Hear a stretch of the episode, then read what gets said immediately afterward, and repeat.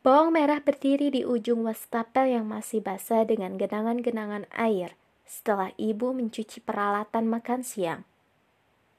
Ia merasa sedih dan muak dengan perlakuan yang ia terima semenjak para penduduk bumbu dapur mencuri dengar ketika ibu membacakan dongeng bawang merah dan bawang putih kepada anak-anak yang biasa mengaji bersama ibu di sore hari dua minggu yang lalu tercela sekali. Tidak bisa dimaafkan. Benar-benar kejam. Tidakkah ia belajar moral? Semenjak dua minggu lalu ia dicemooh, ditindas dan dihindari oleh kawan-kawannya, termasuk sahabatnya, Kemiri. Kemiri sudah menjauhinya, tidak ada lagi yang ingin menjadi temannya.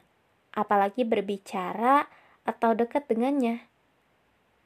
Ia menggenggam erat tangannya dan hanya bisa mengeluh dalam hati bahwa itu hanyalah sebuah cerita dongeng. Tetapi kecelakaan yang menimpa bawang putih minggu lalu justru semakin meyakinkan warga akan kemiripannya dengan toko bawang merah dalam dongeng ibu.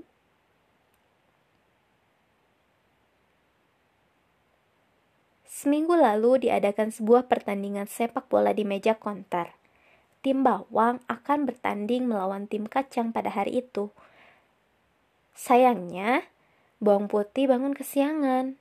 Kemudian, bawang merah memutuskan akan menjemput bawang putih karena rumahnya lebih jauh satu lemari dari rumah warga bumbu dapur lain. Ia berlari tertatih sambil sesekali melirik jam dapur yang tergantung di dekat pintu. Sepuluh menit lagi pertandingan dimulai, dan ia masih harus menempuh jarak setengah lemari lagi. Bawang putih, bawang putih, lekas, pertandingan segera dimulai.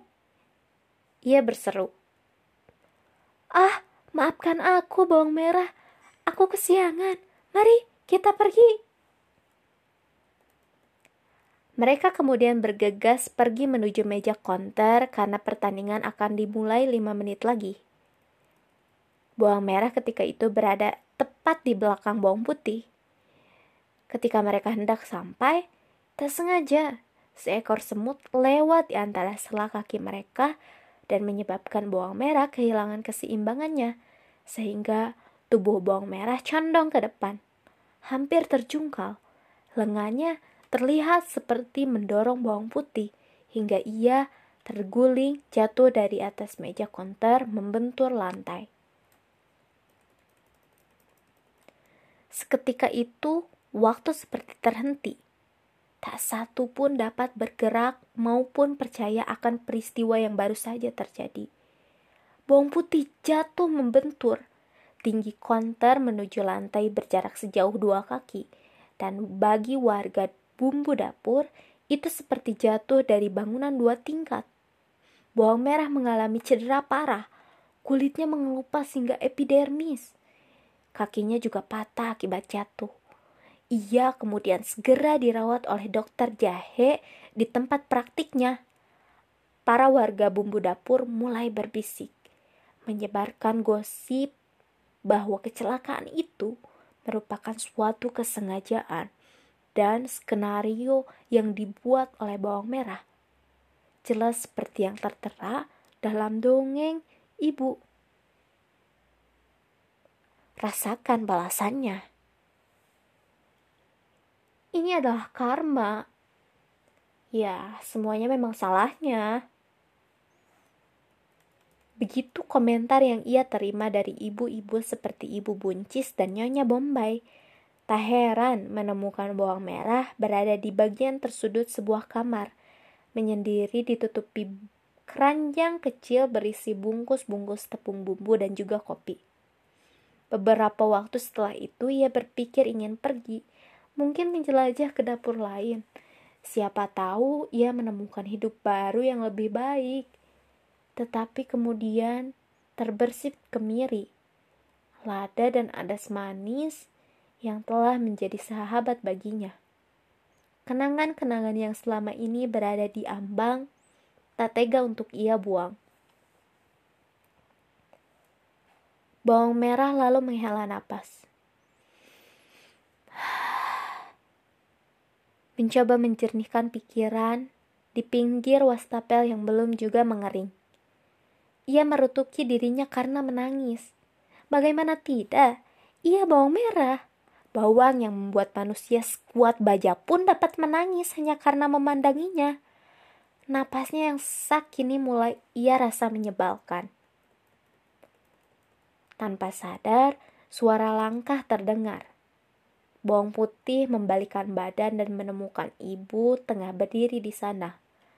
Membawa teh hangat di tangan kanan, serta sebuah wadah kecil berselimut kain perca di tangan kirinya. Bawang merah mengamati wadah itu dengan seksama dan menemukan bawang putih terkulai di atasnya. Air mata yang berhasil ia hentikan kini membasahinya lagi bahagia. Kata ibu, bawang putih sudah membaik keadaannya.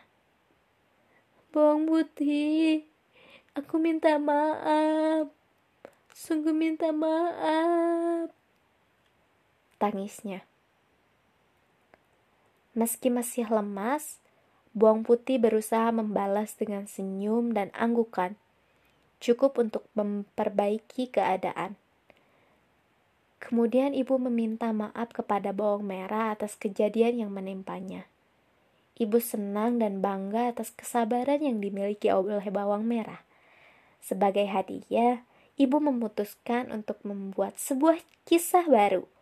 Kisah ini bukanlah dongeng, melainkan sebuah pengalaman yang menuntun kepada pelajaran, di mana satu kesabaran akan memperoleh berjuta kebaikan, entah kekayaan, atau sekedar kedamaian dan rasa aman. Semua peristiwa kecil sesungguhnya dapat kita ambil sebagai pelajaran yang tak ternilai harganya.